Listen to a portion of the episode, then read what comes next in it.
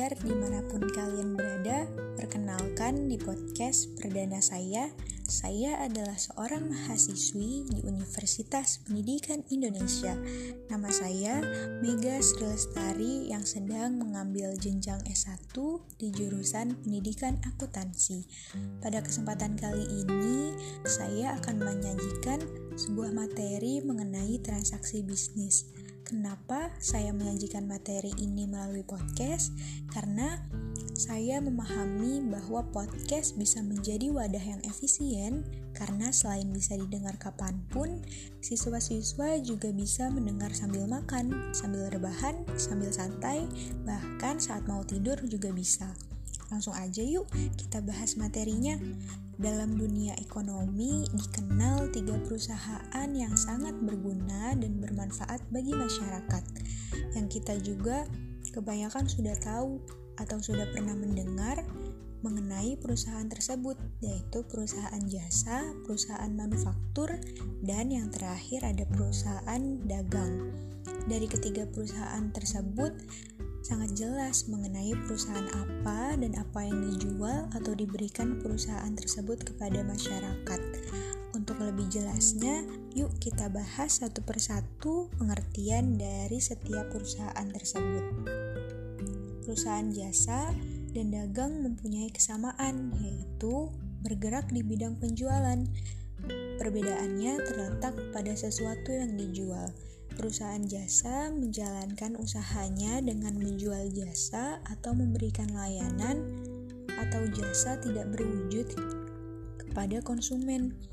Jasa yang diberikan berupa kemudahan dan kenikmatan, sedangkan perusahaan dagang menjual barang dagangan dalam bentuk fisik.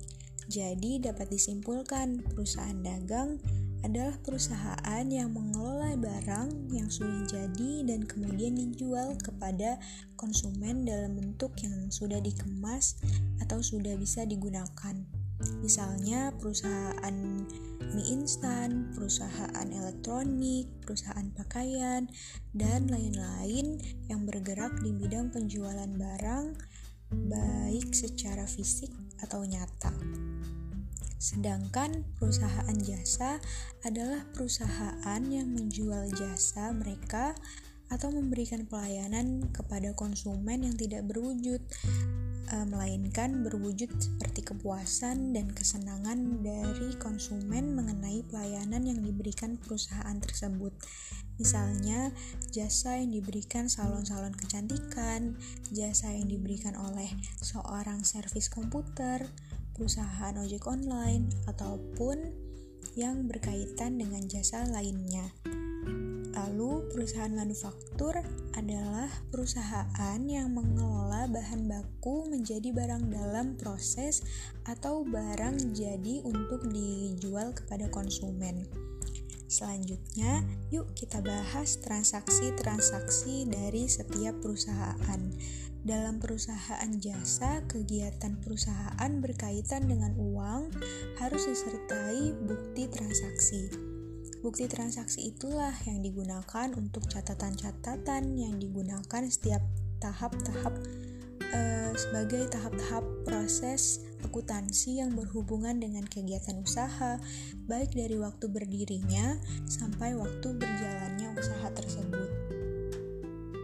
Contohnya, pengeluaran barang mengurus izin usaha, membeli perabotan kantor, membeli alat tulis kantor atau ATK, biaya perjalanan, biaya, biaya sewa gedung, dan biaya gaji karyawan. Selain pengeluaran, juga ada transaksi pemasukan kas usaha dari jasa yang diberikan perusahaan kepada konsumen. Semua ini menjadi dasar penyusunan laporan keuangan nantinya loh. Lanjut yuk ke transaksi perusahaan dagang. Jadi dalam perusahaan dagang itu ada beberapa transaksi seperti pembelian barang dagang yang dapat dilakukan dalam dua cara yaitu pembelian secara tunai dan kredit. Lalu ada retur dan pengurangan pembelian atau penjualan. Lalu ada biaya angkut pembelian, penjualan barang dagangan, potongan tunai penjualan, biaya angkut penjualan, PPN, syarat penyerahan, dan yang terakhir ada transaksi persediaan barang dagang. Lalu yang terakhir ada transaksi pada perusahaan manufaktur. Uh, itu ada transaksi pembelian bahan, transaksi pemakaian bahan, transaksi pencatatan dan pembayaran gaji dan upah, transaksi pencatatan biaya overhead pabrik, transaksi penjualan barang jadi, transaksi pencatatan biaya administrasi dan umum, dan transaksi pencatatan biaya pemasaran. Nah, itu dia transaksi-transaksi pada setiap perusahaan. Semoga bermanfaat. Sampai jumpa di podcast selanjutnya. Thank you